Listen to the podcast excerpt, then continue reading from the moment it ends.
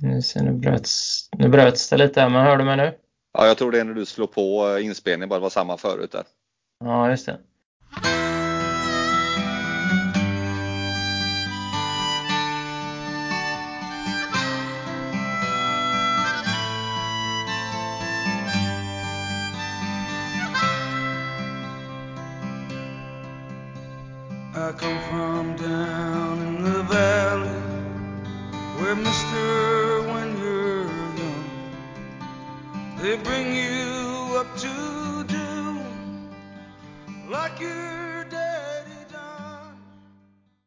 Jag tänker vi, vi kör igång här.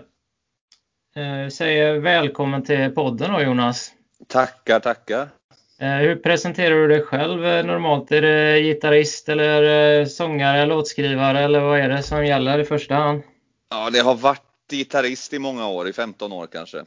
Mm. Men nu är det nog ja, sångare, gitarrist får jag säga då kanske. Ja, ja. Och låtskrivare, men det är inte det jag säger först. Nej, okej. Nej. I och med att man bara träffar folk när man spelar gitarr och sjunger, håller på så är det det de ser. Ja, precis. Och du är från Munkedal ursprungligen, men du har haft basen i, i Stockholm framförallt de senaste åren, eller? Ja, exakt. Jag flyttade till, eh, jag är från Munkedal, sen flyttade jag till Uddevalla några år. Mm. Och sen drog jag därifrån till Stockholm eh, runt 2005 tror jag. Och så har jag bott där eh, fram till för ungefär två år sedan. Ja, okej. Eh, när vi drog vidare och bara har varit på, varit på eh, vad säger man, varit, det har varit flytande de senaste två åren. Vi har varit i Spanien under perioder och sådär. Och, och en del i Sverige emellanåt, rätt mycket i Norge också. Ja, okej. Så Ja. vi har eh, flängt runt så gott det, har, så, så gott det går. Ja, spännande. Jag tänker vi ska fördjupa oss i det lite här vad det lider och Mm. Tänker vi ska köra lite av en kronologisk här klassiker liksom och börja från början. Men jag tänker att vi innan vi gör det så kan vi bara alla vet ju att det här året inte riktigt har blivit som, som man hade trott kanske. Ja, exakt. Jag tänker att det kan vara ganska spännande för att få en inblick i din vardag, hur den brukar se ut normalt sådär. Hur, hur skulle det här året egentligen ha sett ut för dig? Grejen är att så många år som jag har jobbat som musiker så var det här första året på 15 år där jag hade utstakat mer än tre månader framöver egentligen. För ofta är det rätt snabba puckar men i år var det, redan i januari visste vi att vi var bokade fram till och med september. Och vi hade till och med planerat in att vara lediga under juni månad för det var så pass fullt då, eh, med, med bokade spelningar. Så långt framöver så att det var ju typiskt att det hände just i år då. Men vi skulle egentligen då, eh, det börj, året började med att vi stack till Spanien och skulle vara där under hela våren. Eh, Va- Vad är det i Spanien då? Är ni, alltså, bor ni där då eller är ni och Ja, vi- spelar? ja, vi har hyrt en lägenhet där nere och spelar där tre dagar i veckan ungefär. Mm. Mm. Eh, Så vi drog dit i februari och eh, men vi hann ju bara vara där en månad då innan vi fick vända hem när vi blev instängda i karantän. Så vi fick ju inte lämna lägenheten där nere så det var bara att hitta första bästa flygbiljett hem. Just det. Och sen skulle vi varit i eh, Norge under juli och augusti. Två månader och spela där och sen skulle vi åka till eh, USA i september. På lite obestämd tid då, förmodligen september, kanske även oktober. Eh, så vi får skjuta på det till nästa år så gör vi samma vända då. Vi bara börjar om.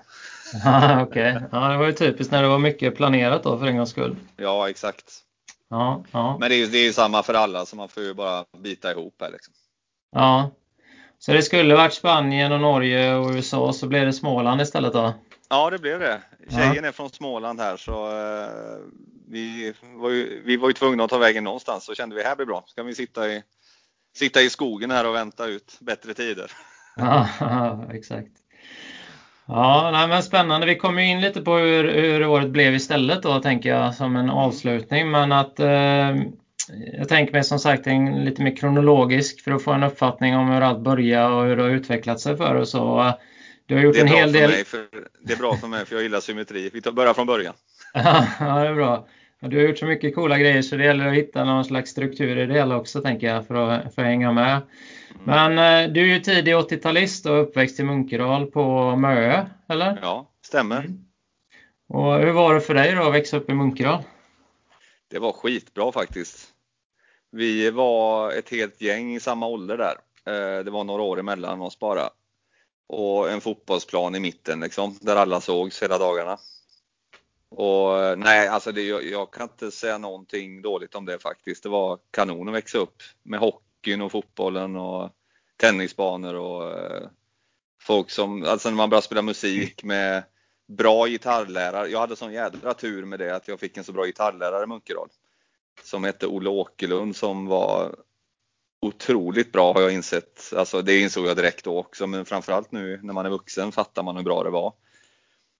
Och nej, så det, jag har inget ont att säga om det faktiskt. Hur kom du i kontakt med musiken då, eller fick du upp intresset för det? Fanns det i familjen eller var det något du hittade själv eller? Ja, alltså intresset finns ju i familjen men ingen som har spelat så. Farsan har spelat gitarr. Men jag tror det var morsan som lärde mig första ackorden. Ja, okay. Och, tror jag. Hon säger det i alla fall. Ja. Eh, alltså kommer jag, jag, vi fick börja spela, jag och en kompis eh, från Munkedal, vi fick börja spela något år tidigare tror jag. Vi var lite en, vi ville verkligen spela gitarr. Och inte hålla på med blockflöjt och sådär. Så vi, så vi hade tur och fick göra det och så vet jag jag ville lägga av efter ett år men då fick jag den här Olle Åkerlund som gitarrlärare sen och då vände det liksom.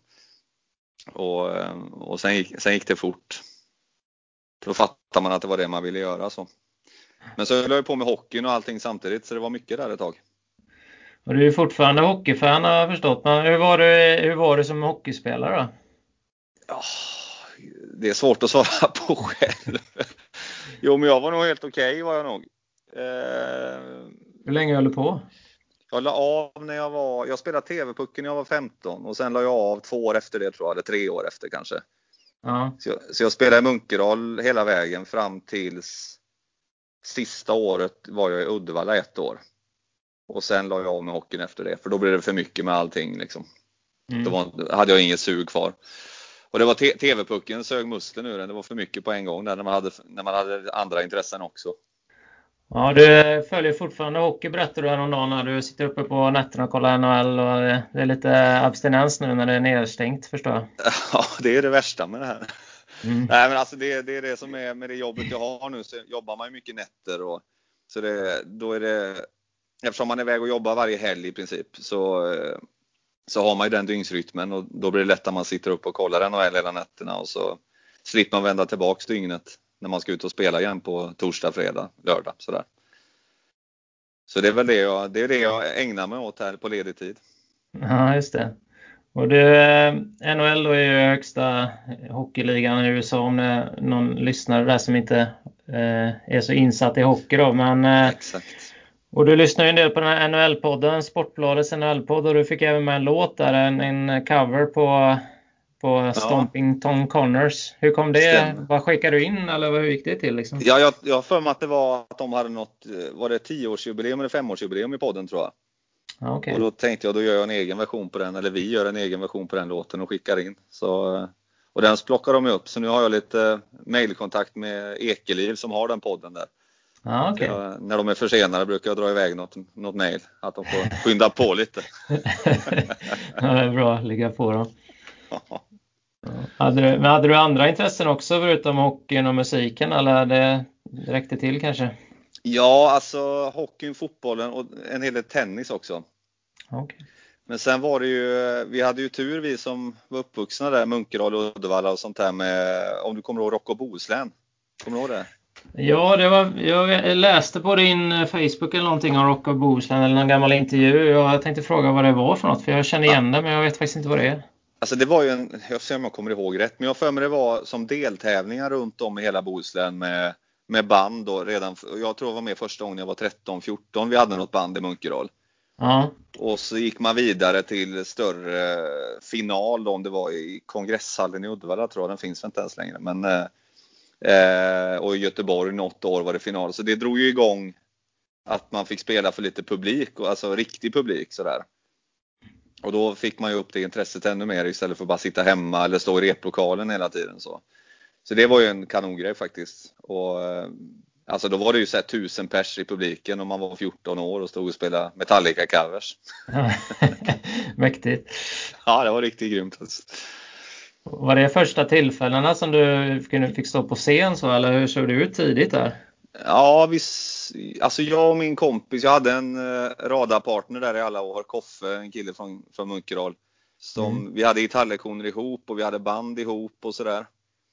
Och, så jag tror att vi spelade nog rätt mycket på, alltså det började med skolavslutningar och sånt där har jag för mig.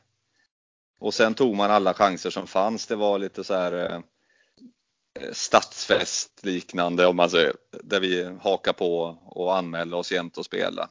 Men sen var det det här och Bohuslän, då blev det ju ordentligt av det. Fick man spela med riktigt ljud och ljus och stora lokaler, mycket publik och sådär. Det var rätt stort då kan jag tänka mig i den åldern och tidigt där. Nej, det var skitstort. Ja. 14 år och få spela för 1000 pers. Det ja. Spelade ni covers då eller hade ni skrivit eget material? Eller? Jag tror kravet var att man var tvungen att ha en egen låt. Så det fick man ju försöka skramla ihop en låt där på fem ja. minuter. Och sen eh, tog man ofta två, tre covers då och körde dem. Så då var det Metallica och The Purple och Kiss och allt vad det var. Hur var det att skriva egna låtar i den åldern? Blev det något hyggligt eller? Alltså, jag hörde en låt, då var jag nog kanske 16 vid den tiden. Något. Den hörde jag för ett tag sedan. Det var inte helt, det var inte helt illa ändå. Nej. Men, men då, då var jag med, tror jag, med andra, också för Munkedal. Som var något, de var nog fem år äldre än mig och de stod nog mest för låtskrivandet då tror jag. Så de var väl runt 20-21 kanske. Ja, så de hade, de hade mer koll på det då. Hur var det med de polarna du började spela med? Är det fler som liksom har fortsatt med musiken upp i åldrarna eller har de liksom hittat andra intressen eller hur ser det ut? Ja, alltså de allra flesta har jag ju kontakt med fortfarande och väldigt bra kontakt och många, eller de, nästan alla spelar ju fortfarande på ett eller annat sätt. Men eh, inte professionellt på det sättet kanske utan mer hemma och spelar in lite demos ibland och eh, skriver låtar och har studio, lite studiogrejer och sådär. Så, att, så alla håller på alltså. Det, jag, jag tror inte det är många som har lagt av med det.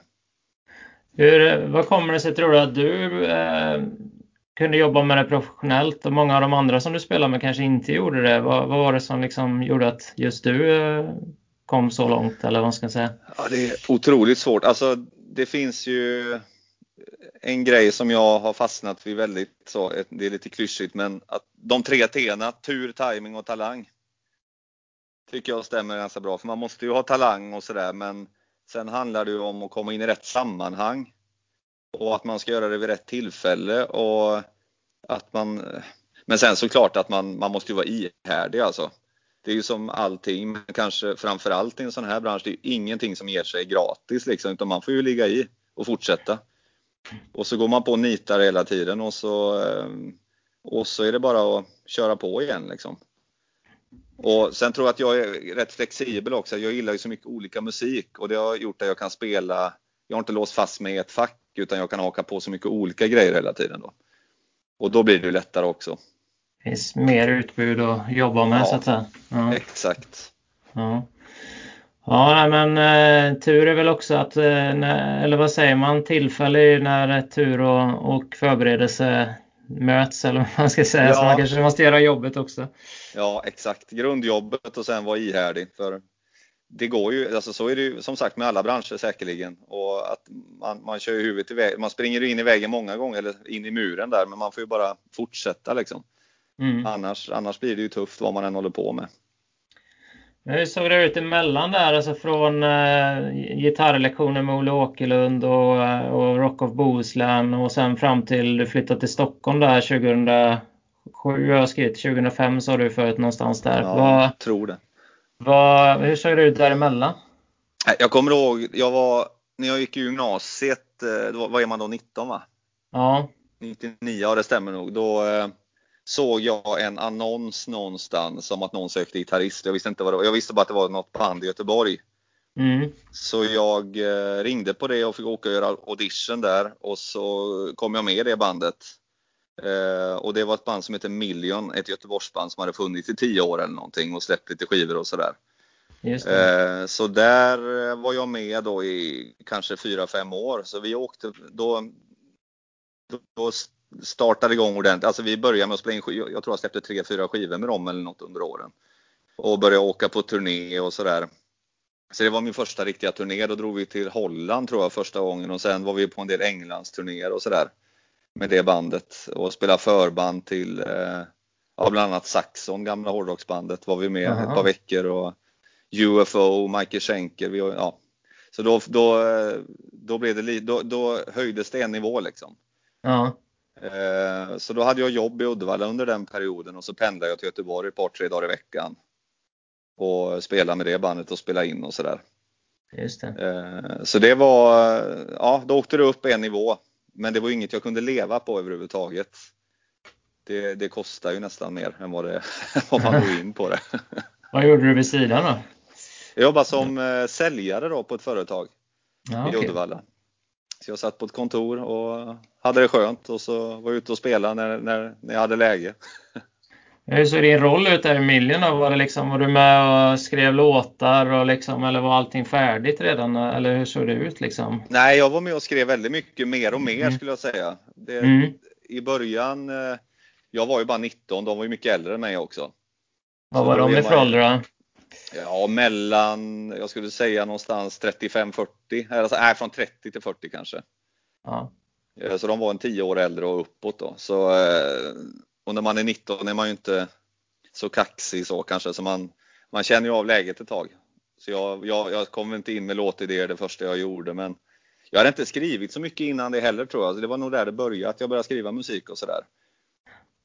Och sen eh, blev det mer och mer. Så sista skivan vi gjorde kanske 2003 någonting så skrev jag eh, en hel del av det faktiskt. Var det sista skivan det bandet släppte eller var det att du lämnade sen eller vad hände där? Ja, det, alltså jag, eh, jag har för mig att, nej de släppte fler plattor efter det, en eller två stycken. Och tog in någon annan där, men det blev en lite ömsesidig, att vi gick åt olika håll. Jag, jag drog upp till Stockholm och, och det rann ut i sanden lite innan det, höll jag på att säga. Så att jag, jag stack och så var jag med och spelade in på någon skiva. Men sen åkte de på turné med någon annan tror jag och sådär. Så att vi, vi gick åt olika håll ömsesidigt kan man säga. Just det. Så jag varken slutade eller blev sparkad utan vi bara gick åt olika Ja. håll. Det rann ut lite i sanden. Ja. Ja, precis. ja. När började du försörja dig på musik då? Ja, det är ju en lite rolig historia för jag flyttade till Stockholm. Nu kommer jag på det kan ha varit 2006 då faktiskt jag flyttade dit för att jag flyttade dit för jag tänkte jag skulle försöka slå mig in i den här frilansbranschen som gitarrist då. Ja. Eh, Men jag hade ingen ingång överhuvudtaget utan jag åkte upp och sökte ett vanligt jobb som säljare också och så fick jag det. Och sen eh, hade jag tur där för att Erik Segerstedt, min gamla kompis från Uddevalla, eh, var med i Idol. Precis, det började tror jag månaden efter jag hade flyttat dit upp. Så då kom han upp och bodde på hotell där och var med på Idol hela hösten och eh, kom tvåa i det. Ehm, och då, då hade jag jobbat under den hösten och sen flyttade han hem till mig. Han hade ju ingen lägenhet. Och så satt vi och planerade och helt plötsligt blev han erbjuden en turné då och åka, åka ut direkt efter Idol. Och då tog han med mig. Han frågade om jag ville åka med och spela gitarr med honom. Så det gjorde jag, då var det ju enkelt. Så då, då fick jag en liten räkmacka in i branschen om man säger så. Just det. Och hur har det sett ut? Har du försörjt dig helt på musiken sedan dess eller har det varit lite fram och tillbaka eller hur har det sett ut? Nej, alltså jag har gjort det, men sen har det är klart man har gjort lite extra jobb inom den här branschen också. För man lär ju känna folk och jag har varit, eh, jag har åkt med och varit exempelvis gitarrtekniker eller eh, en sån som står på scenen då och stämmer gitarrer åt andra band och sådär. Ehm, Och jag har varit chaufför någon gång när något bokningsbolag har ringt och frågat när det var panik så där, då hoppar man ju in och Men eh, alltså det är, det är ju små, väldigt ströigt sådär men annars är det ju att jag har spelat själv liksom. Varför blev det musik för dig på, på heltid då? Jag tror det är det att jag jag bestämde mig nog när jag var ganska liten att jag vill göra det och sen har jag inte släppt det helt enkelt. Jag har fortfarande inte släppt det av någon konstig anledning. Så det, jag vet inte. Det, jag har tänkt så många gånger om man skulle, eftersom när man spelar så här så har man ju mycket ledig tid. Det är mycket dödtid emellan. Eh, och jag har tänkt ibland om man skulle börja plugga något eller om man bara för att ha det också sådär. Men jag, jag har aldrig kommit så långt. Och varje gång det börjar skita sig och man tänker att nej, nu har jag inga jobb. Då börjar telefonen ringa igen oftast. Ja. Eh, så det, det är liksom till slut så vänjer man sig vid det också att fan, det, nu, nu ser det inte bra ut här men ja, det, det löste sig ändå till slut på något vänster. Så att eh, jag har nog bara gett mig, gett mig fasen på det att jag ska hålla på med musik för det är det roligaste jag vet helt enkelt. Fortfarande. Vad är det bästa med att leva på det då tycker du? Det bästa är ehm, Alltså jag älskar ju att åka runt och resa och, och, och sådär och, och att inte varje, ingen dag är den andra lik liksom. Utan eh, man åker runt och, och, ser, man får ju se enormt mycket ställen och, och träffa skitmycket roligt folk och spela med olika människor och det är det jag blir så här om man ska plugga eller om man ska jobba med någonting. Det, det är det som är det värsta, man, man måste gå till samma ställe varje dag och göra. Det här med rutiner är inte riktigt min, min grej så. Ah, okay. det, är, det är lite jobbigt. Ja. Upplever du att du har fått göra stora uppoffringar för att kunna leva på musiken? Ja, alltså jag, jag vet ju att jag har gjort det, men jag skulle inte säga att jag upplever det så. Nej. För eh, jag värdesätter ju att ha det så här.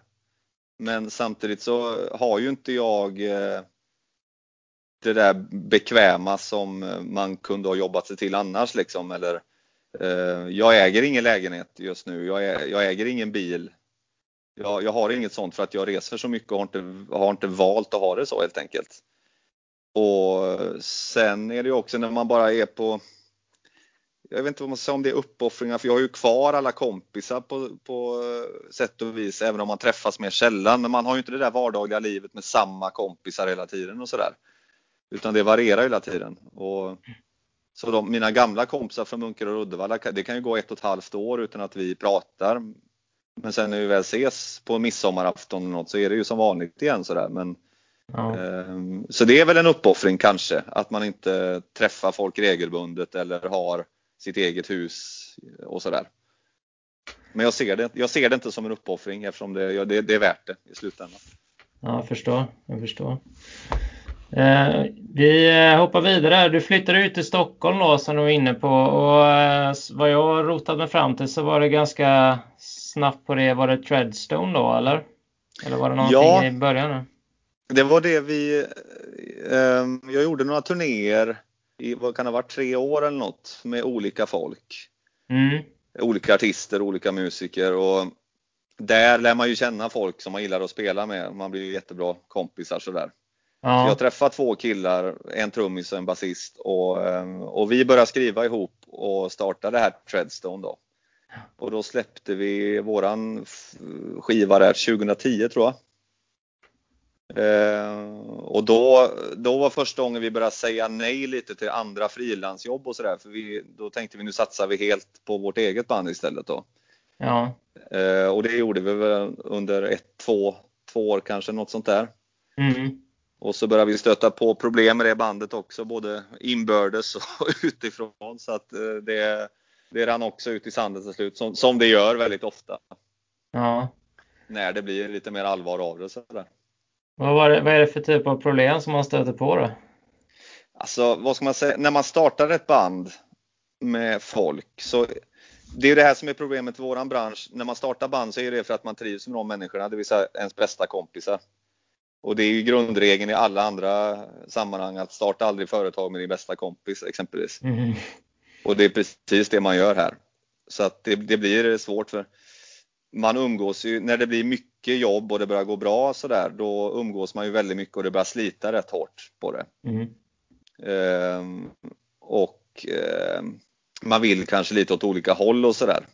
Och vi kommer ju alla från det här frilanssvängen med, där man var ute och spelade med alla möjliga artister och då blir det också slitigt för man måste ju ha in sina pengar samtidigt som vi ska satsa på det här bandet. Ja, så måste man ju samtidigt jobba och det, det är inte lätt om man åker iväg och är på turné tre personer i ett band, alla ska även åka och göra andra grejer samtidigt och det blir krångligt till slut alltså. Eh, så det, det var nog bara naturligt att det blev så, tror jag. Vad är nyckeln till att hålla ihop ett band då, tror du? Över tid? Ja, det låter också klyschigt, men att man har förutsättningarna klara innan. Mm. Så gott det går. Eh, både ekonomiskt och, och var, var prioriteringarna ska ligga faktiskt. För vet man att alla strävar åt samma håll, då förstår man ju vad vissa måste göra. Då, då, man, då köper man det. Och man får annan förståelse om jag själv måste göra något och förstår de andra att jag måste göra det. Men prioriteringen är ändå att vi ska göra något ihop. Liksom. Ja. Så det, det är skitsvårt. Det är väldigt, väldigt svårt det där. Hur vet man när det är dags att bryta upp då? Det vet man nog inte alla samtidigt. Så man får hoppas på att den som tar beslutet har rätt. okay. Nej, det är skitsvårt. Framförallt när man är kompisar. Det är jättesvårt, jättejobbigt. Men vad fan, man, alltså, man får ju bara se det för vad det är. Och grejen är att det blir ju heller inte jobbigt om allting om allting bara flyter på utifrån. Men det är ju när det kommer, när det börjar bli motigt och man börjar stöta på motgångar som band. Då börjar även slitningarna inom bandet ofta. Just det. Jag ska ju inte tala för alla band, men om min erfarenhet är det så i alla fall.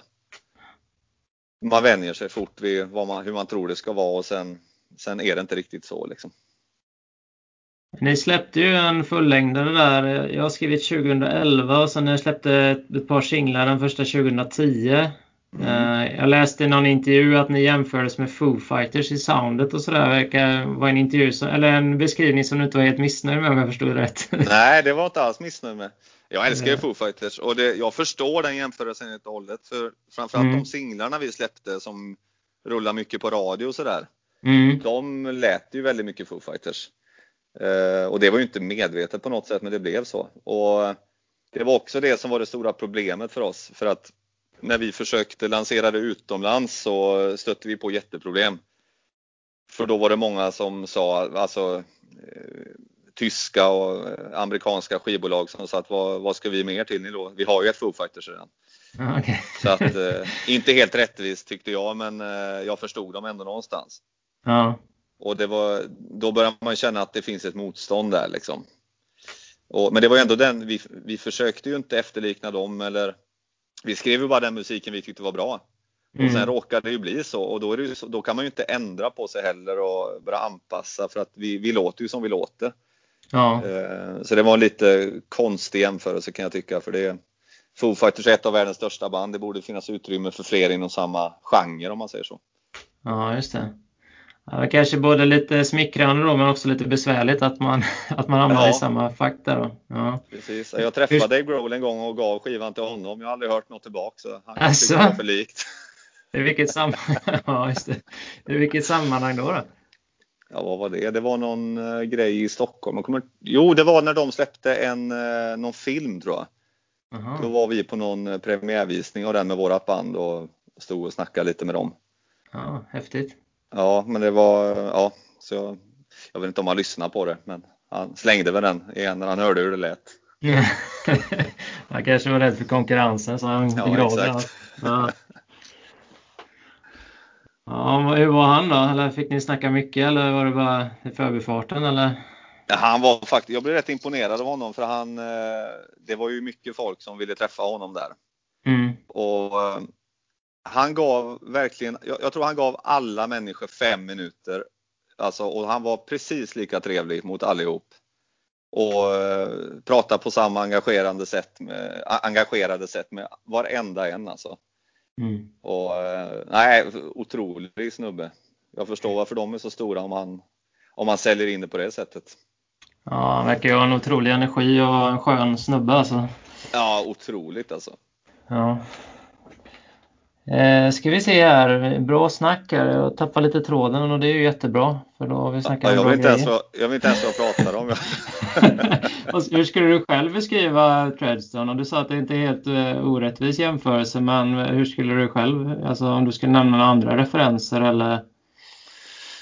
Alltså vi lyssnade mycket på uh, det är det här som är grejen att många, det är så um, känsligt om man gör sån musik som vi gjorde för det är väldigt kommersiell musik ju.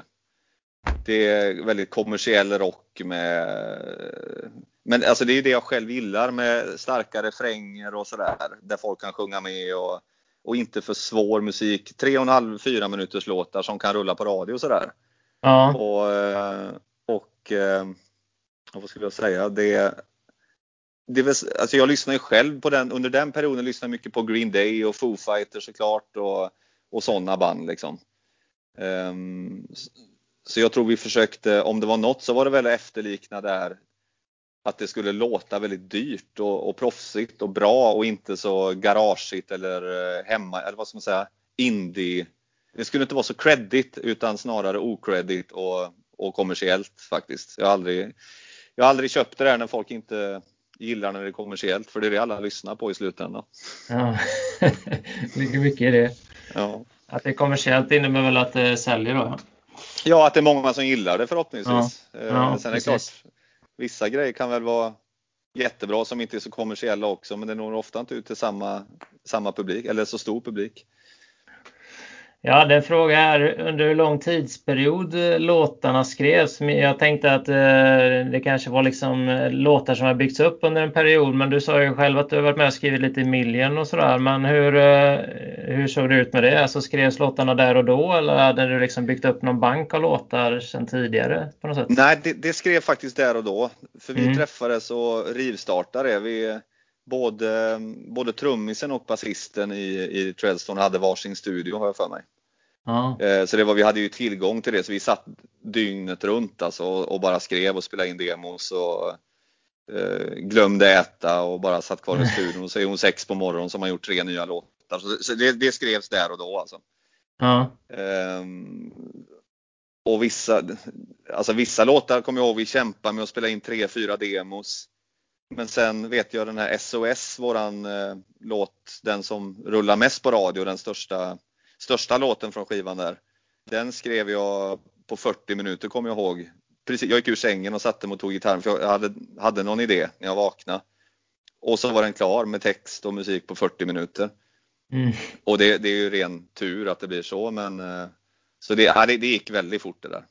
Brukar det, eller har du skrivit många låtar på det sättet eller hur brukar det se ut för dig när du skriver? Ja, de flesta låtarna gör jag rätt fort nu för tiden, men bara musiken. Texten är annat. Ja. Jag skriver musiken först och sen eh, när texten ska på det då, det brukar, eh, då brukar man sitta och tänka ett tag. Det kan ta ja. lång tid. Det kan ta ja. sex månader om man har otur. Sitter du och skriver den själv då, eller tar du hjälp av folk? Eller? Ja, väldigt olika. Eh, mm. Med Treadstone skrev vi ju allting själva. Men nu har jag lite andra, andra kollegor jag skriver med till det jag håller på med just nu då. Mm.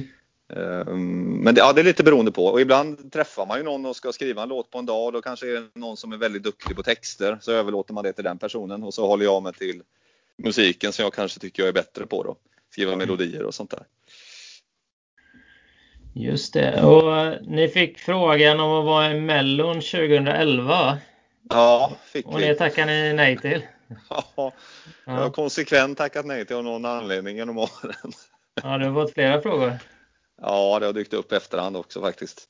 Ja, okay. Men vi, vi, vi, kände nog, alltså jag, jag, säger inget om de som är med där, men jag har själv inte känt att det har passat. Eh, nu säger jag emot mig själv för jag snackar om att vara kommersiell, men det är en annan grej tycker jag. Men, eh, jag har alltid tyckt att med de banden jag har så har vi en plan på hur vi ska göra det. Eh, och jag, liksom, det är inte att vi skriver en skiva och så lämnar vi det till någon annan och bestämma en plan för hur vi ska göra sen. Vi har alltid en plan från hela vägen hur vi vill göra det och där ingår inte Melodifestivalen på något sätt i Nej. den planen. Än så länge. Nej, det kanske blir framåt. Ja, vem vet. Ja.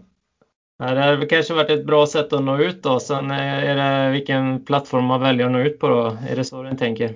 Mm. Det är exakt så vi tänker. Sen är också mm. det, det är för stort lotteri med den eh, typen av musik vi håller på med, eller jag, framförallt med Treadstone, så förstår jag precis hur de tänkte. För det var så att Christer Björkman kom upp till vårat skivbolag, vet jag, en dag. Vi låg på ett skivbolag som heter Bonnier, eller var vi på då tror jag. Och så ringde chefen på Bonnier ringde till oss och var helt eld och lågor och sa att ja, Björkman var här och han ville ha er på Melodifestivalen. Och vi skrek i kör bara att nej, det blir inget med det. För de har ju alltid med en en rockakt varje år kan man säga. Ja. Och, för det ska vara det. Och den akten kan inte vinna till att börja med. Utan det, det är liksom en utstakad mall hur det här ska gå till. Uh, och, så att det kan, man, man, kan, det kan egentligen bara, det är klart, det bästa som kan hända är att man skrapar ihop ett halvårs turné och, och sen, eh, det är inte värt det liksom, för det kan man skaffa på annat håll på ett annat sätt. Så. Sen är det ju det här, jag måste ju lyfta det också, det här med Bingo Rimér och stämde av Paris Hilton och det här. Vill du berätta det? Vad var det som hände? Var det med The Wire eller med The Wiser eller var det med Treadstone? Nej, det var, det var Treadstone. Ja. Eh, ja, han skulle göra våran första video där Bingo. Och, eh, och så ringde han oss. Vi hade haft ett möte så ringde han när vi gick därifrån och bara, jag har världens idé nu. Jag har ju jag har ju varit hemma hos Paris Hilton så, han, så vi tar med klipp därifrån som jag filmade. Så det, det tar vi med i videon sa han. Och vi tänkte vi, han får ju köra på, vi bryr oss inte så. Och, eh, och sen eh, eh, har han ju bra kontakt med tidningarna så han, han eh, lyckades sprida ett rykte själv om att eh, han var stämd för att dra publicitet till platta. Jag vet inte vad som hände där faktiskt. Vi, vi lyssnar på ett öra bara. Och så Gav det någon ring... effekt då? Ja det gjorde det säkert. Det, var ju, det stod ju Aftonbladet och sådär så att folk, det, det sa ju pang på Youtube den dagen jag för mig. Att alla ja. sökte ju på det här. Ja. Men eh, hur sant det var vet jag inte riktigt om jag ska vara ärlig. Han, vi, vi, vi brydde oss inte om det. det, blev en, det blev en liten smäll där i alla fall så att det hände något. Ja, han är bra på PR. Ja, men du berättade lite innan här att eh, Treadstone och, och, eh, att åka runt på lite frilansargig då skedde väl lite parallellt typ. Mm. Eh, um, kan du berätta lite vad du har gjort för, för sådana gig, gitarrjobb? Ja, jag funderar faktiskt lite för jag tänkte att du säkert skulle fråga det och det är så mm. jädra svårt att komma ihåg för det är så mycket, alltså många grejer kommer jag ihåg men när jag satt och funderade så är det så här, och just det, det gjorde jag också. För det, ofta är det att man kanske åker eh, en dag med någon bara, eller en spelning och sen eh, hoppar man på nästa tåg liksom och så försvinner det där minnet. Men eh, framförallt en grej som var kul var när Loreen vann eh, eh vad heter det, Eurovision. Ja. Hon var i den stora finalen där. Då yeah. dygnet efter där var det ju, då skulle hon ut hela Europa en sväng och köra radio och tv och sånt där under tre dagar eller vad det var, två dagar kanske. Så då eh, flögs jag ner till Berlin och så åkte jag med henne i två dygn tror jag. Där vi, jag tror vi hade åtta flighter eller något runt om i Europa bara under de här timmarna. Oj. Och bara slussades in och ut ur tv och radiostationer, jag och hon och, och så spelade vi akustiskt och bara gitarr och sång. Den här Euphoria, eh, typ ja. 30, 35 gånger under ett dygn. Ja. så eh, det, det, är lite sådana grejer som dyker upp det var bara du och hon då? Ja, då var det vi två. Ja, mm. precis. Mm. Och sen är det lite andra, alltså vi, vi, jag var ju mycket med Erik och EMD och det här. Ja.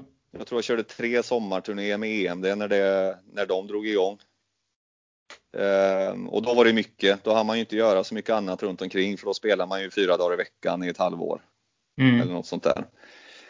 Ehm, men sen, ja, sen måste jag säga att något av det roligaste jag har gjort kanske inte musikaliskt men eh, roligast för att det är kul bara är att spela med Markoolio av och till. Ja. Där vi har, då är det sådana här galna grejer där han eller någon ringer och man Ja, vi ska till fotbolls-EM i Innsbruck imorgon och ska du med? Ja, jag hänger på. Så är det kolla, kolla fotboll och åka runt på Camp Sweden och spela in med bollen i mål. Ja. Så sådana grejer är kul. Jag skrev upp några namn. Du sa ju själv EMD och Erik Segerstedt har du spelat med lite eh, under längre period från och till vad jag fattat som. Och Markoolio, Andreas Jonsson har jag skrivit. Pernilla ja, Wahlgren. Mm. Um, Lilla syster på uh, Ullevi, Gamla Ullevi. Ja, just det. Det var någon det liten dokumentär på Youtube också. Ja, exakt. På det. Ja. Hur var det bra, då? Research, bra researchat att hitta mig där. Ja. Det, är, det är också kompisar. Vi har sett mycket. Det är ju så man, när man spelar mycket på festivaler så, där, så är det ofta, det är ju samma band som är ute under en sommar om man säger så. Eh, det är de som har släppt platta det året som är ute och spelar och då ses man ju nästan, inte varje kväll, men varannan kväll på de här festivalerna så är man bokade samtidigt sådär. Så de har jag lärt känna bra och sen behövde de gitarrist på lite spelningar så jag har hoppat in där ibland och, och spelat med dem. Så jag tror det var en, vad var det, en SHL-match mellan, kan det ha varit Frölunda-Brynäs eller något kanske? Eh, jul, julmatchen där, eller utomhusmatchen Frölunda-Skellefteå. Skellefteå var det ja. Just på Gamla Ullevi. Mm. Precis, då var det den här utomhusmatchen ja. Och då, eh, jag tror lilla syster har väl gjort låten som eh, Frölunda kommer in till inför varje match va? Ja precis, de har ju den här allsången först och sen kommer lilla systers låt när de åker ut liksom när det smäller och det brinner och grejer. Precis. Då kommer de, då spelar de. Ja. Så då stod vi där uppe på någon scen och spelade i något snöblandat regn. Ja. Hur är det att spela ute i kylan då? Det är inga problem? Jo, det är ett problem. det är Stela fingrar? Ja, det är jobbigt att spela gitarr då. Ja. Ja, är det några, är det några andra kända namn som jag inte har nämnt som, du, som eh, allmänheten känner till sådär som är kul att droppa? Ja, alltså fasen kan det. Jag har kört en del med Brolle har jag gjort. Mm. Och eh, måste jag tänka, jag har varit med Alcazar och eh, Petra Marklund i september. Mm. Och eh, Dileva någon gång och sådär. Men det, det, är också, det har mest varit inhopp där med de artisterna. Ja, ersättare har, typ? Ja, ersättare. Att man har vikarierat för någon som har missat tre gig på en turné eller sådär. Så hoppar man in och, och lär sig det man ska spela och så gör man det ett par dagar och sen kommer han tillbaks liksom. Så att, eh, ja men det, det är alla möjliga artister. Det är krångligt att komma ihåg. Men framförallt är det, det jag gjort de längsta turnéerna med är ju ja, Danny och Erik och det här gänget. Faktiskt. Vilke, vilke, vilken artist eller så är du mest, tycker du själv har varit störst att spela med sådär? Alltså vilken, vem gillar du bäst själv eller vilken har känts som störst för dig? Typ? Åh, vad svår fråga. Fan vad svår fråga. Uh, jag tror inte att jag har tänkt riktigt så på ett tag. Nej. När man, när man känner personerna privat på det sättet. Men det, det, är snarare så att det är stort att göra vissa spelningar med vissa kanske. Ja, okay. Eh, att man eh, att, att eh, man, man värdesätter med själva omgivningen. Alltså att det är ett, ja men som du säger, Ullevi på en hockeymatch. Jag älskar hockey och, och stå och spela hårdrock med lilla syster på Ullevi inför, jag vet inte vad det var, 40 000 pers eller något sånt här kanske. Mm. Det är ju skitkul alltså. Men, eh, men sen är det också, alltså, sen kommer man ju tillbaka till det som är kanske roligast att spela musikaliskt och sådär. Ja. Och, eh, jag älskar ju att spela med Erik Segerstedt för han är otroligt duktig. Och det, det värdesätter man ju. Mm. Men eh, just det där att spela, nej jag vet inte om jag, om jag, jag förstår Tänk. vad du menar men, men jag tänker nog inte riktigt så längre tror jag. Det blir avdramatiserat till slut att man ja. spelar med massa kända namn och så blir det bara en i mängden liksom. Ja, lite så. Lite så. Mm. Man försöker göra ett bra jobb och ha så kul man kan och, vara, och hoppas på att det är bra personer, vilket de flesta är då. Ja. Du och Erik verkar ju ha spelat eller känt varandra ganska länge sådär och han är också en lokal musiker liksom. Vad, ja. När lärde ni känna varandra? Jag gick i samma klass som hans storebrorsa. Okej. Okay. I, eh, på Agneberg på, på gymnasiet. Ja. Så där lärde jag känna Erik genom honom. Och sen, eh, så vi spelade aldrig ihop i Uddevalla eller något sånt utan eh, det var mer på fester man satt och spelade gitarr och sjöng ihop och sådär. Ja. Men sen har vi ju spelat av och till alltså i 15 år. Ja. Och, gör, och gör fortfarande. Vi gjorde senaste giget ihop för vad är det, två, en, en månad sedan tror jag. En sån här någon livestream för något företag. Ja, okay. Så att eh, vi ringer varann och gör grejer hela tiden sådär. Ja. Ja, där finns ju lite att rota i på Youtube och sådär. Jag hittade något eh, mm. eh, klipp från 2007 tror jag var tidigaste. Det var ni körde Ozzy tror jag. Mamma I'm coming home och du hade någon skön frilla där och rev av något solo. Ja exakt. Ja. Ja, det, ja, det, jag vet precis vad det är till och med. Det var från Helsingborg tror jag, på torget ja. där. Ja. Sa vi nu kör vi Mamma I'm coming home idag, nu drar vi på här. Ja, och det finns lite från Bingolotta också där. Ni körde uh, The Coxman. Ja, det, där drog vi ihop ett band, jag och Erik och en tredje kille som heter Erik också. Ja. Eh, en annan kompis som är från Boden som vi har spelat mycket ihop med. Eh, mm. Och då var vi, jag tror vi var husband på Bingolotto i fyra veckor där. När vi körde den grejen. Så då satt vi och spelade bingo-jinglar och så körde vi några låtar in emellan, jag och Erik. Den uh, I'm with the band där, uh, Little Big Town, den är ju, det är riktigt bra den uh, versionen tycker jag. Ja, den är grym. Ja, tack. Den, ja. den är skitbra. Den, ja. den är jag faktiskt väldigt stolt över. Ja, men det är en ja. sån grej exempelvis som jag är väldigt stolt över att man har gjort en bra, fick till en riktigt bra version när det, när det sänds på tv också. Så. Ja. Så den kan folk kolla in om de lyssnar. Ja, det fanns ju fler låtar där. Jag har inte noterat vilka det var med, men det var, det var flera bra. Men just den tyckte jag stack ut lite extra faktiskt. Mm. Ja, håller med, verkligen. Mm. Och sen det var ju Treadstone då och det var ju alla gitarrgig på olika, med olika artister och sådär. Och sen så blev det The Wiser här under några år. Mm. Var det också ett sidoprojekt eller var det något ni satsade på fullt ut eller hur såg det ut? Ja, grejen var att vi, eh, det var precis när Treadstone gick i graven så eh, fortsatte jag och trummisen med det här. Mm.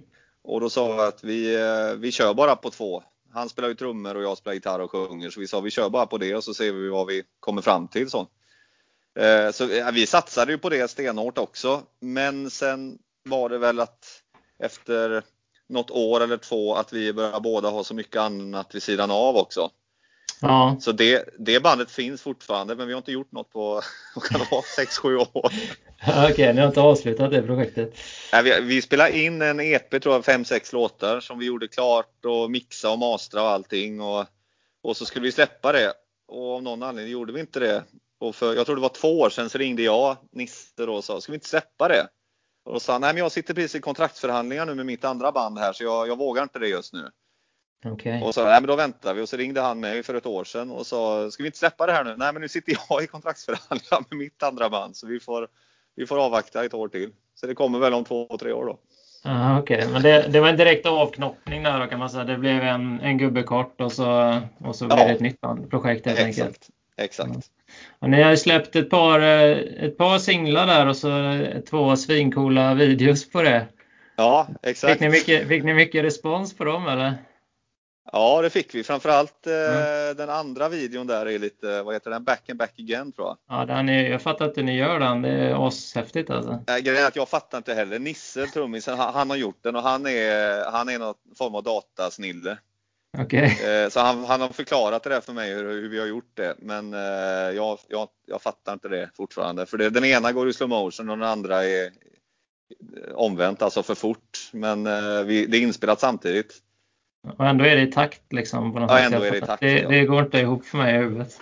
Nej, inte för mig heller. Jag, jag, han sa ställ dig där och så gör du det och så går du hem och så gör du. Nej, men då kan jag, jag, jag, kan ju nämna det att jag droppar lite olika referenser. Jag kan ju slänga ut lite, um, lite länkar och så i samband med den här presentationen av podden eller på Facebook eller något bara så att uh, de ja, som lyssnar bra. kan hänga med. För det, det är mycket som är värt att, att kika på tycker jag. Ja, jag håller med dig. Men det blev inget eh, album där då. Du sa ju att det har dragit ut på tiden lite och det är fortfarande inte nedlagt och så. Men eh, slog inte de här, jag menar det var ju, det var ju coola videos och bra låtar och sådär. Men det tog inte riktigt fart då eller vad, vad var det som hände? Nej, jag tror faktiskt det var lite grann upp till oss där att vi orkar inte riktigt driva på det. Tror jag. Ah, okay.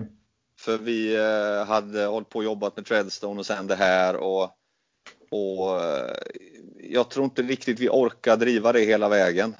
Så. Eh, och det är ju inte för sent att göra det men det är precis det jag pratade om innan att man, man, när, man, när det kommer motgångar, eller nu har vi inte fått några motgångar direkt där, men man måste ligga på så enormt själv. Om man inte bara ska ha tur och att det hamnar in någonstans och det smäller så men eh, Vi var nog lite, eh, det fanns inte den riktiga geisten kvar då att sitta och sitta i studion dygnet runt och sen göra allt resterande jobb som det handlar om när man släpper en låt eller en skiva och sådär. Och jag tror vi var rätt trötta också på skivbolag just då så vi orkade inte ens söka oss efter det utan vi tänkte vi släpper ut ett par låtar och ser vad som händer bara. Så får det ha sitt eget liv lite. Mm. Yes. Vad, är det någonting annat? Som, jag tänker vi ska prata om Tennessee Tears som är ditt eh, nuvarande projekt och som jag fattar det. Vad, är det någonting fram till dess som vi har missat som, som är värt att nämna tycker du? Jag tycker du har täckt upp det rätt bra alltså. Uh. Du har G bättre minne än vad jag har, låter det som. Jag har grävt lite i arkiven. ja. Ja, men Tennessee Tears, det började runt 2015 där om, jag, om mina uppgifter stämmer. Mm, det gjorde det. Och det är ihop med Tilda då? Precis. Och hur, hur bildades ni eller hur träffades ni? Eller var det, träffades ni först och bandet bildades sen eller hur liksom gick det till? Nej, tvärtom egentligen. Det, det är en ganska lång invecklad historia men det började med att jag eh, i samband med de här tidigare banden, Treadstone och det här, signade ett förlagskontrakt som det heter. Mm. Och det är ju att man eh, som låtskrivare är, är kontrakterad av en publicist kan man säga. Eh, ett publishing eh, publishingbolag som har hand om ens rättigheter och sådär. Och de sätter ju ofta ihop en med andra låtskrivare för att man ska skriva ihop till andra artister och sånt där. Och i det här fallet var det en producent jag jobbat med i många år, Peter Månsson heter han, sitter i Stockholm. Eh, han ringde mig en dag och frågade om jag kunde, vi, vi var på samma förlag då jag och han. Och han ringde mig och frågade om jag kunde komma med och skriva ihop med en amerikansk artist som heter Billy Burnett. Mm. Eh, för de två skulle skriva ihop och det skulle vara en tredje kille med men han blev sjuk så jag blev inringd istället då. Och, eh, så vi satt oss och skrev och han är från Nashville, Billy, och har spelat med Fleetwood Mac och Bob Dylan och allt vad det är, John Fogerty. Så, och det blev första dagen, tror jag, eller på fyra timmar eller något, skrev vi två låtar. Och dagen efter skrev vi väl två, tre låtar till och det var ett jädra flow på alltihop så. Um, och så började vi göra demos på det, jag och Peter, och så kände jag att det här vill nog inte jag släppa till någon annan för det var bra. Jag älskar ju countrymusik och det blev riktigt bra grejer så jag kände det här vill jag släppa själv tror jag. Så vi började spela in och sen eh, kom vi i kontakt med, med en kille som jag kände sen innan som inte håller på med musik men vi började prata om hur vi kan samarbeta på något sätt. Och då sa han, vad vi än gör så ska vi ta med en tjej som jag känner som ska vara med i det här vad vi än gör. För vi snackade om att göra någon dokumentärfilm eller vad det var. Eh, runt det här musikprojektet. Det var väldigt löst, vi visste inte så mycket. Och då kom Tilda in för hon kände den här killen Jimmy som han heter. Och eh, så visade det sig att hon sjöng grymt. Och det var ingen som visste att hon kunde sjunga överhuvudtaget. Och hon har aldrig sjungit egentligen på det sättet. Eh, så vi testade en låt av de här som vi hade skrivit med Billy. Så testade vi att göra en duett av det jag och Tilda och det blev svinbra. Eh, och då kände vi, då startar vi ett band av det här. Så drar vi till Nashville och så spelar vi in en platta där borta. Så eh, så startade det. Så det var en ren slump. Häftigt alltså. Men hon har ingen eh, musikalisk bakgrund alls eller, har, eller hon kan inte bara lära sig sjunga hur som helst eller? Nej, alltså hon, hon har sjungit och hon har gjort lite sån här, eh, hon har jobbat lite som vad heter det, entertainer för resebolag och sånt där. Du vet stå och sjunga i någon eh, restaurang på något hotell och lite såna här grejer. Ja. Men hon har aldrig jobbat med musik på det sättet annars. Inte haft några band och sådär. Nej. Så eh, det var lite som en blixt från klar himmel för henne med tror jag. Hon blev chockad när vi frågade om hon ville vara med och sjunga i, i ett band. Ja. alltså vi började bara mata in låtar och sen, eh, sen åkte vi till Nashville och spelade in, spelade in den här, de här låtarna. Så det har varit liksom full, full rulle från första dagen där. Var det en tillfällighet att det blev just country eller hade du liksom det i bakhuvudet någonstans att det kunde bli det framöver eller? Jag har nog haft det. Jag, jag har älskat country tio år innan det tror jag. Ja. Jag var i Australien eh, runt 2006 någonting i några månader och, och var omgiven av countrymusik där nere och fastnade i det totalt. Ja, är det stort där nere alltså? Ja, jättestort. Keith Urban är ju därifrån exempelvis. Ja, just det, just det. Så han är ju nationalhjälte där nere liksom. Och, och som gitarrist så är det skitkul att spela countrymusik och sådär. Så jag har suttit och övat mycket sånt och eh, liksom haft det i bakfickan hela tiden utan att ha spelat det så mycket. Ja. Så, så när vi började skriva det så var det som det föll på plats att det är det här, det är det här jag vill göra. Så. Eh, så det var alltså händelser, tillfälligheter. Man springer på någon och så skriver man och sen kommer hon in från, från ingenstans och så faller allt på plats bara. Ja, Ja, men det där med förberedelse och tur och tillfälligheter ja. och så. exakt, tur, tur, timing, talang. ja, exakt. Ja, ni drog till Nashville då. Det är ju lite countryns mecka kan man säga. Ja. Och, och, ni har varit där en hel del och ni drog dit ganska omgående vad jag förstod. Och vad, ni fick liksom en bra ingång där med Billy då, eller hur? Ja, grejen är att Billy har sparkat upp alla dörrar som har behövt sparkas upp för oss för att, för att åka dit egentligen. Ja. Sen har vi ju gjort allting själva men så. Vi har ju liksom fixat studio som musiker och allt sånt där vi behöver. Men Billy är, när han lyfter luren och ringer någon där så, och, och begär ett möte med, för oss eller något sånt där, då får vi alltid komma dit. Så han, eh, han, han öppnar jättemycket dörrar för oss alltså, eftersom han är den han är då. Eh, och sen har han blivit en skitbra kompis. Så vi, nu är det mer att vi umgås med honom som en, som en polare egentligen när vi är där. Och så. Men mm. eh, det, det är helt otroligt bra att ha honom där borta. Han var med och spelade med på Mortens i Uddevalla för några år sedan också eller? Ja, vi eh, flög hit honom och så fick han komma upp och köra lite i Uddevalla också. Körde lite gamla Fleetwood Mac-låtar. Ja, det är coolt det. Ja, han är ja. underbar alltså. Ja, otroligt häftigt. Alltså, ni har ju spelat med många häftiga musiker där borta vad jag har förstått. Alltså, det är ju många som har spelat med de största där borta i, i countrysvängen. Liksom. Det var Brad Paisleys trummis och Johnny Cash basist och, och ja, Billy ja, det, då inte minst. Då. Det var det här som var grejen när vi, när vi startade detta. Som jag sa då, vi, vi hade ju någon tanke om en dokumentär och sådär. Ja. Och, så att parallellt med att vi skrev låtar och planerade att åka och spela in en skiva så såg vi även till att prata med stora företag i Sverige när det kommer till eh, filminspelning och sånt där. Kameror och allt vad, allt, allt vad man behöver, mikrofoner och kameror och allt sånt där. Så eh, tog vi med oss hela paketet för att spela in en dokumentär om när vi spelar in skivan då. Eh, och för att det skulle bli en bra dokumentär så tänkte vi då måste vi ha de bästa studiosarna där borta. Vi måste ha de bästa musikerna för att göra en grej utav det i dokumentären. Eh, sen visade det sig att det var efter något år att det var ett eh, enormt projekt att göra både en skiva, lansera det, starta ett band eh, och göra en dokumentärfilm och sälja in den dokumentärfilmen för att den ska visas någonstans. Ja. Så någonstans var vi tvungna att tumma på det liksom. Så det fick ju bli att vi prioritera bandet och musiken först och främst och så, och så får vi se om det här dokumentärmaterialet kommer fram någon gång eller, eh, eller vad vi gör av det. Men det finns där i alla fall. Så det ledde ju till att vi var tvungna att ha, eller tvungna, vi ville ju ha de här största musikerna då. Så det var bara att börja ringa runt där borta och säga att nu kommer vi, ett gäng svenskar, vill ni vara med och spela med oss? Men vad, är, det, är det så liksom enkelt ska jag inte säga, men är det, hur får man tillgång till den? Var det Billy som öppnade eller var det via den här dokumentären eller är det, är det bara att ringa liksom? Hur funkar det? Faktum är att det, det var mycket enklare än vad vi trodde för att det ja. fungerar så att i Nashville, eftersom det är en musikstad med allt vad det innebär, så tar de vara på sina musiker som man inte gör på andra sätt i världen om man säger så. Mm. Så att de har exempelvis ett fackförbund där borta där alla är anslutna till. Ja. Eh, så att alla går exempelvis under en tariff. Alla får samma betalning. Man behöver aldrig deala gager med någon eller så, utan just för inspelningar då. Mm. Utan, eh, och sen har de väldigt uppstyrt där borta att man bokar en studio tre timmar och sen är det en timmes break och så kan man boka nästa tre timmar sjok och sen är break och sen kan man boka tre timmar till. Så tre sådana tre timmars sjok om dagen är det.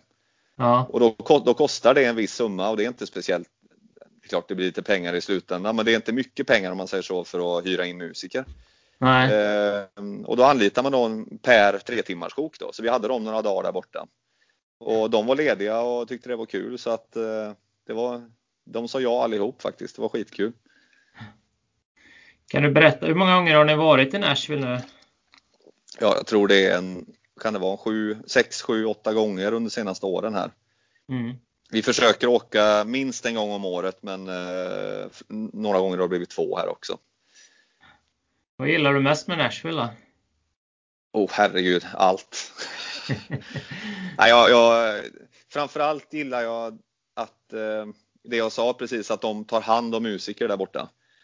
För att när man är musiker möts man ju ofta av lite eh, Säg att du ska hyra en lägenhet eller något så, eh, så värdesätts det är ju kanske inte att man är musiker med en eh, inte så fast inkomst och så vidare. Men där, borta är det tvärtom, att de, eh, de stöttar sånt. Att ska du hyra ut en lägenhet så hyr du gärna ut till musiker, för man, de är själva musiker exempelvis. Ja. Alla i den stan håller ju på med musik på ett eller annat sätt. Eh, så man, man trivs där som musiker helt enkelt. Och. Jag älskar ju maten och hur den stan är uppbyggd med, jag som älskar sport, fotbollsarenan på ena änden och så är det huvudgatan, Broadway och så ligger hockeyarenan på andra sidan. Så att det finns ju att göra där. What's not to like liksom. ja, du har ju varit där också så du vet ju hur känslan.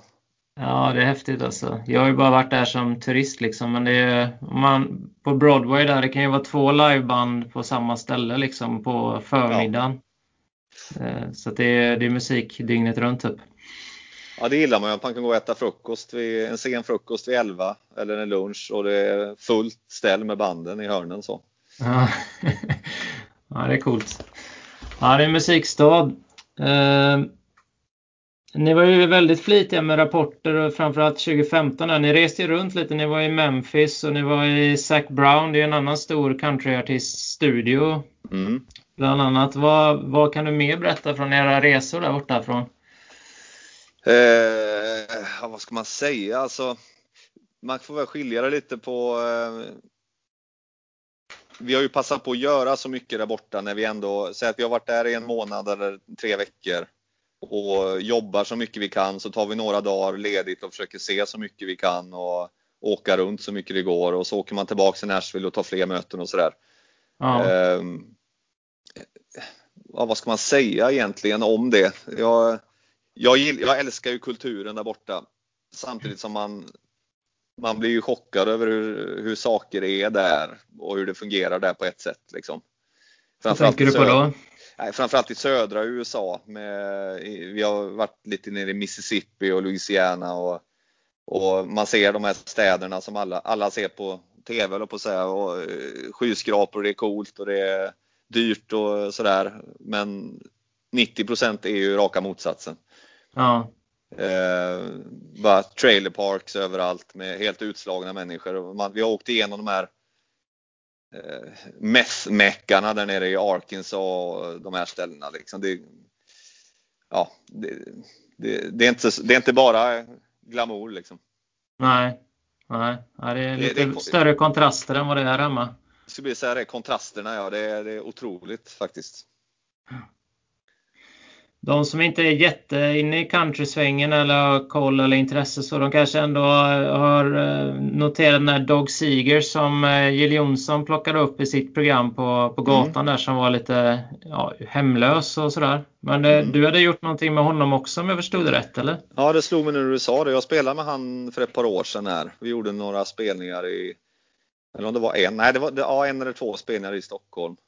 Mm. Kommer inte ihåg hur jag fick det överhuvudtaget men det var, det skitkul att spela med honom alltså. Han ja. var eh, vi pratade inte så mycket. Han, han bara stod och sjöng mest och så sa vi hej då sen. Men det var skitkul att spela med honom. Ja. Han fick ju ett rejält uppsving där. Ja, det kan man väl säga. Det var en lite gripande historia ändå. Nu, nu, eh, han blev liksom upplockad på gatan och sen fick liksom en liten musikkarriär utifrån det. Ja, verkligen. Mm. Nej, hon, har, hon har gjort mycket bra där. Framförallt ja, för countrymusik överlag i Sverige skulle jag säga, Jill Johnson med hennes program. Mm. Hon har ju öppnat hur mycket som helst här alltså. Att folk har fått upp ögonen för det här och det, det, alltså, så fort man säger det nu att man spelar countrymusik så, ja, som Jill då säger alla. Så att alla fattar ju det där. Ja, det är väldigt välproducerade program också oavsett om man gillar countrymusik eller inte. De berättar lite om USAs historia, hur det är i södern och väldigt fina bilder och sådär tycker jag. Så det Otroligt fler... bra. Mm. Otroligt bra produktion faktiskt. Jag chockar från säsong 1 till 2 tror jag. Nu har jag inte sett det här på, på ett tag men första säsongen till andra var ju stor skillnad alltså. Ja. Just med det som du säger med bilderna och hur de har och faktiskt tar upp lite, lite viktiga grejer också. Ja, ja. Ja, det kan vara sevärt även om man eh, oavsett om man är stort countryfan eller inte så är det bra. Det är häftiga historier och sådär de berättar. Verkligen. Men vi har ju snackat mycket om highlightsen och sådär men du, som du säger, du har ju sagt tidigare att ibland är det lite tid emellan och sådär men hur ser en vanlig vecka ut skulle du säga? Eller vad, vad finns det för rutiner liksom? Hur ser en vanlig period ut i ditt liv? Ja, alltså det är väldigt olika. Jag skulle säga att man kan skilja på när man skriver musik och jobbar inför att man ska släppa ny musik. Mm. För då, då, då ser ju vardagen ut så att man faktiskt sitter och skriver i en studio eller själv eller man försöker vara väldigt aktiv och eh, sådär. Sen ja. å andra sidan då när man inte är i det modet och håller på just så att, som vi är just nu där vi faktiskt har släppt saker alldeles nyss och då handlar det ju mer om att följa upp det man har gjort och då har man ingen inspiration alls att sitta och skriva musik exempelvis. Det, det måste få gå i perioder det där. Ja. Och då kan man ju bli eh, hemskt att säga det, men då kan det vara väldigt lätt att man hamnar hemma på soffan bara eh, under perioder sådär. Ja. Och, men jag har ju ändå så pass, eller har haft förutom det här året, så, så pass mycket spelningar hela tiden så att man, eh, man har att göra och man behöver sina lediga dagar också. Ja. Så att, eh, jag skulle säga att jag försöker samla energi bara. Om man, eh, för det tar ändå på kraften att vara ute och resa så pass mycket och stå på scen fram till fyra varje, varje natt på helgen. Liksom så. Ja. så att man får vila så mycket det går. Ja. Så det är periodvis så är det liksom fullt fokus på skrivande och periodvis är det liksom ut och promota och spela och Ja, exakt. Och det, ja. går, det går verkligen i sjok. Alltså, och det, jag skulle säga att det går kanske i tre, tre månaders sjok ungefär. Att man mm. känner att man måste ta tag och skriva nytt om man hamnar i en sån period och då gör man ju det. Ja. Eh, och sen kommer nästa period och man känner nej, nu har jag gjort tillräckligt här för ett tag. Så. För man måste ju också ge det tid att sjunka in för att det ska bli bra låtar. Man måste kunna gå tillbaks och jobba med saker man har gjort innan så man inte bara hastar igenom saker och sådär. Ja. Ehm, men ja, det är väldigt olika. Men för mig är det ju att det är uppbyggt runt de här spelningarna. Det är det jag styr. Det är det som är mitt jobb. Det är där jag får in pengarna om man säger så. Ja. Man anpassar sig efter det. Man får rätt sig efter spelningarna så tar de perioderna emellan liksom. Ja, exakt. Ja. Hur gör du för att få inputs då? Är det, är det liksom bara att leva på eller jobbar du aktivt med det? Liksom hitta olika nya inputs på något sätt för att skriva? Jag jobbar inte alls med det faktiskt. Jag, jag ehm, det låter ju dumt att säga men eh, när, man, när jag får en, en när jag gör en bra låt då är det bara att, att, man kommer på att man sätter sig med gitarren och så kommer det något som är bra. Ja. Och eh, vissa dagar gör det inte det och då lägger jag av för då är det ingen idé. Nej. Um, så det, det, hör jag ganska fort om jag har något sådär och så spelar man in lite snabbt. Men däremot så har jag ju ett block liggande för ibland kommer man ju på någon bra fras, någon textrad eller något sånt där. Mm. Så man samlar ju på sig sånt och så får man gå tillbaka och titta sen. Men jag jobbar inte speciellt aktivt med att nu ska jag sätta mig och plåga fram grejer eller eh, sådär föda fram grejer. Det, det är ingen idé för mig alltså. Nej. Utan det, det, får komma när det kommer. Du sa samtidigt att du är ganska aktiv med skrivande vissa perioder. Hur ser det ut då, då? Det är inte så att du tvingar dig att sitta vid gitarren eller i studion utan det, det blir ändå liksom lite på och av då eller? Ja, alltså jag kan, eh, jag kan känna att Alltså själva musiken skriver jag så pass fort så då, då, då, vill man ju inte lägga av. Då sätter jag mig och så gör man något tills det är klart. Ja. Och då går det ofta ganska fort på ett ungefär om man vill ha det. Däremot om jag börjar jobba med en text, då måste jag sitta tills jag är klar med texten för annars blir den aldrig klar oftast. Så jag måste Nej. verkligen sitta och nöta med det liksom. Ja. Och då, då får man ju ha lite disciplin. Då, då kan ju timmarna dra iväg. Mm. Men nu, det, nu, har jag skrivit mycket själv det senaste men tidigare år har man ju suttit med andra i studio och sådär. Då sitter man ju där tills det är klart. Och då är man ja. inte alltid inspirerad själv men då kanske de andra i rummet är det. Så då får man ju bara vara med och, och försöka tillföra någonting sådär. Just det.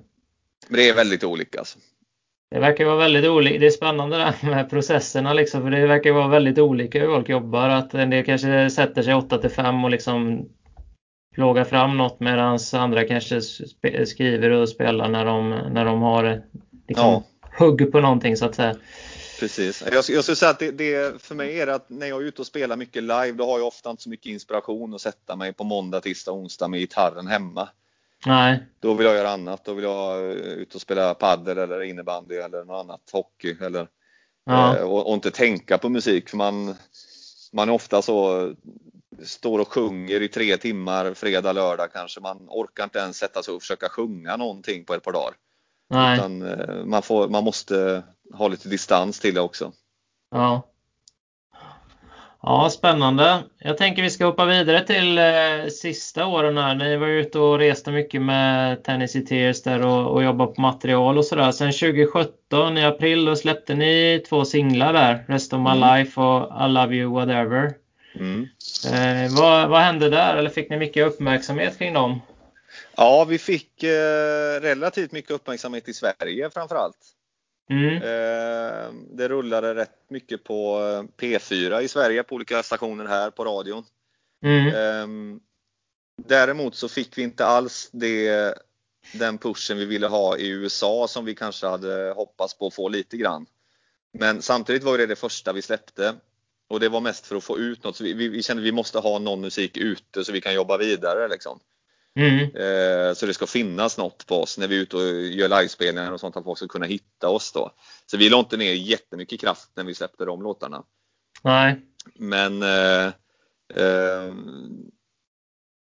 Ja, sen, sen, har det varit egentligen att jobba, bara försöka bygga upp ett fundament innan vi släpper massa mer. För vi kan ju släppa låtar, vi har ju inspelade låtar och vi kan släppa det när vi vill. Men har man inte rätt uppbackning så är det ingen idé att göra det. Nej. Så därför har vi försökt att vara, ha tålamod och bygga upp en bra eh, grund att stå på. Liksom. Hur gör man det, det då? Eller vad är det man gör då? Ja, först och främst att vi spelar live mycket jag och Tilla. Att vi är ute och skaffar en publik så att folk känner till oss. För Ja. att då när man släpper något så är det fler som hör det bara på det vi själva har byggt upp. Liksom. Ja. Eh, Men sen att man eh, Vi har ju Vi har varit runt flera vändor till varenda skivbolag i Sverige till att börja med för att känna av läget. Ja. Och vi har inte känt att det känns rätt och därför känner vi att vi måste gå på om, om vi ska ha ett skivbolag så får det bli ett skivbolag i USA, i Nashville. Ja. Och det är inget som är gjort över en natt så utan det, det tar tid. Ja. Så då har vi tagit beslutet att det får ta tid. Och så släpper vi lite låtar när vi känner för efterhand när vi vill det och så, och så fortsätter vi jobba och så förhoppningsvis kan vi få till det. Så småningom. Ni, ni har ju släppt lite annat också. Ni har ju bland annat spelat in ett par videos där. eh, Med, den ena var ju Erik med Segerstedt och sjöng och, och eh, det är den här det var en låt med Chris Stapleton där, en av de största countryartisterna just nu och sen var det den här soundtracket till A Star Is Born med Lady Gaga där. Exakt. Eh, I någon stuga där. Hade ni hyrt någon stuga då eller var ni iväg på något eller vad hände där? Ja, det var ett hus vi hyrde i Stockholm, jag och Tilla, bara under några månader för ett par Ja, år sedan. okej. När vi Ja, var där en period. Då. ja, Eh, så ringde vi Erik och sa vi, nu måste vi ta på. Vi kände att vi ville ha ut någonting på något sätt. mm, Och, eh, så ringde vi Erik och frågade om han ville vara med och så kom han ut och så, och så körde vi en dag. Där. Så nej, det var skitkul. Det är det, Ja. man kommer alltid tillbaks till Erik. Även med det här bandet så kommer han in på dörren ja. Ni var ju även med på hans senaste skiva där, eller EP, med, och körde på en låt va? Ja just det, precis det var Ja. samma där. Han, han ringde in oss då eh, strax efter vi hade gjort den här Shallow och sa nu har jag gjort en låt som ni ska vara med på här så får ni, får ni komma hit. Ja, Det är kul, det är också- kul att ha de samarbetena faktiskt. Ja, det händer lite även oavsett hur man ligger till i sin egen cykel då kanske, att man får hoppa in på lite olika grejer då. Ja exakt och Mm. herregud man har ju alltid man har ju lust och tid att göra sånt också. Det, man, man skapar sig ju tid för sånt liksom. Mm. Och eh, han är också lite inne i countrysvängen lät det som på den skivan eller?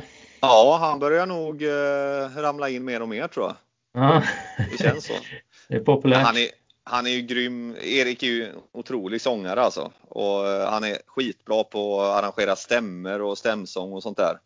Så eh, han passar ju för att göra sån musik, countrymusik och eh, bluegrass och sånt här.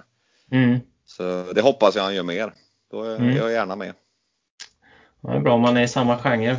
Fler samarbeten kanske. Ja, precis.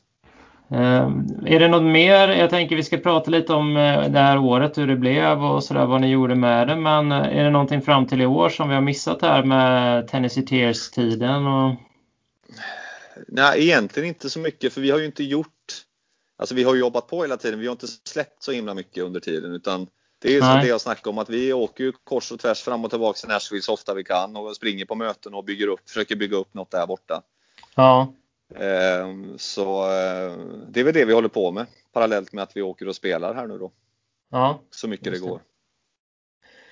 Och då landar vi ju lite i, eh, vi prat, börjar ju det här snacket med hur det egentligen skulle varit i år. Jag tänker att vi knyter ihop det med hur blev det egentligen? Vad, vad använde ni tiden till när det inte blev riktigt som ni hade tänkt det då? För du sa att ni var väldigt uppbokade och sen blev eh, allt inställt typ, eller mycket inställt. Ja.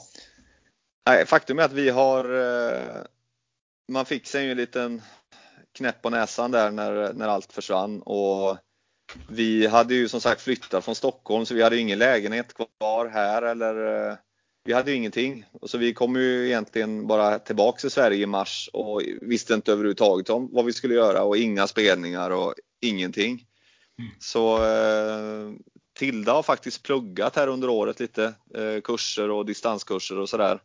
Mm. Och eh, jobbat en del på ett, eh, hon har ju kompisar här nere i Småland som har lite företag som hon har hoppat in och hjälpt till på sådär. Och, eh, men sen har vi, vi har haft en del, eftersom man ändå får vara 50 personer fram tills för ett tag sedan.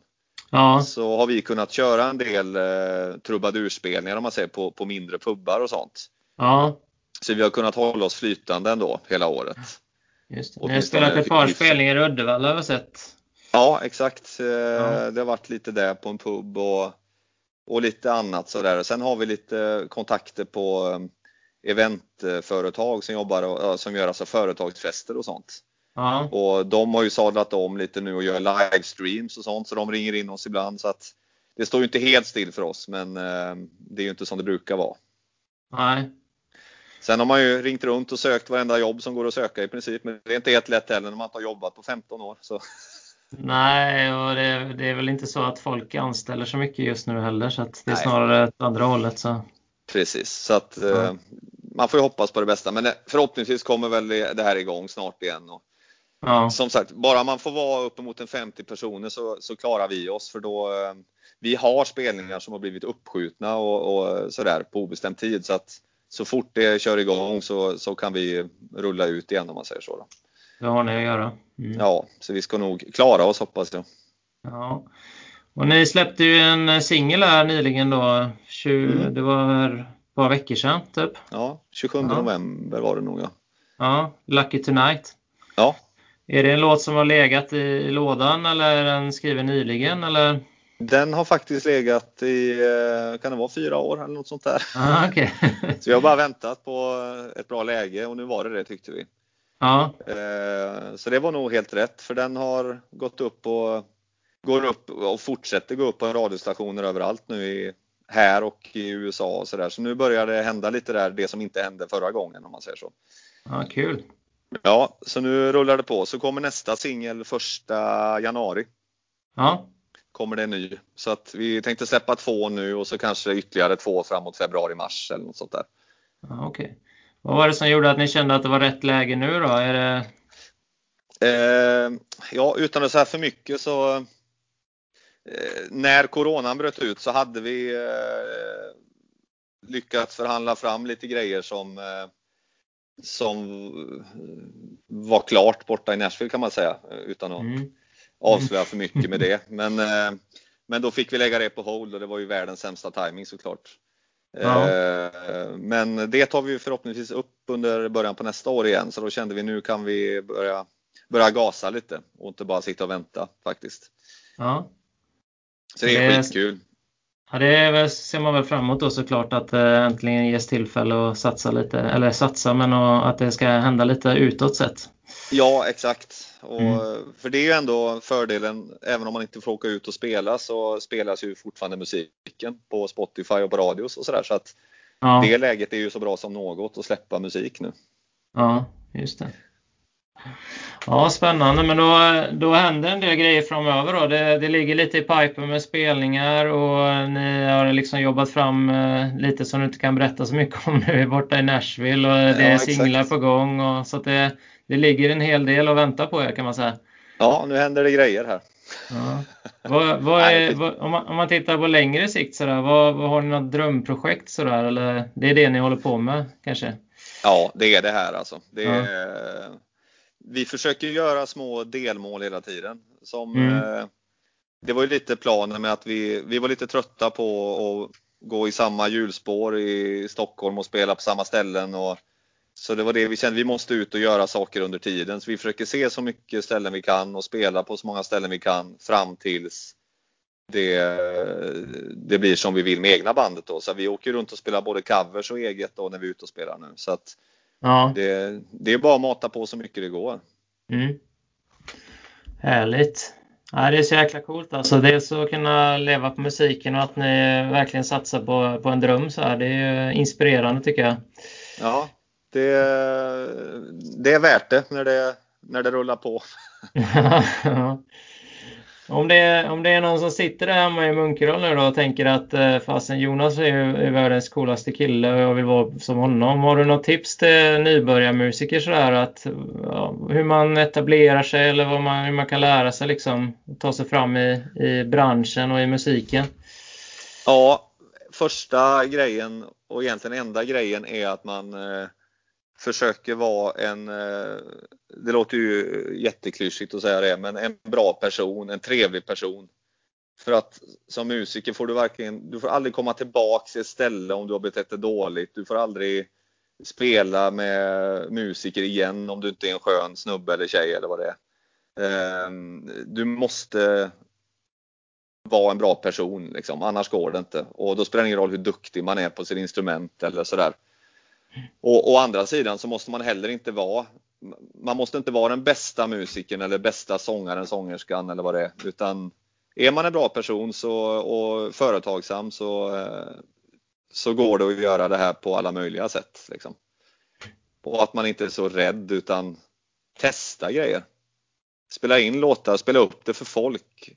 Det, det är också en sån grej man träffar på mycket folk som spelar in grejer och inte riktigt vågar spela upp det för någon och sådär. Man har ingenting att förlora på det utan spela så mycket man kan för alla och spela in grejer, spela upp det för folk och sprid grejerna så mycket det går. Det är väl tipset tror jag. Mm, det var bra, det var flera tips fet där tror jag. Ja, det var nog det. Något annat som du vill prata om som vi inte har pratat om? Herregud, jag tycker du har gjort väldigt bra research. ja, det är roligt att höra. Kan du skicka över det sen i kronologiskt så jag vet vad du har gjort? kan jag, kan skriva ditt CV. Ja, precis. Ja.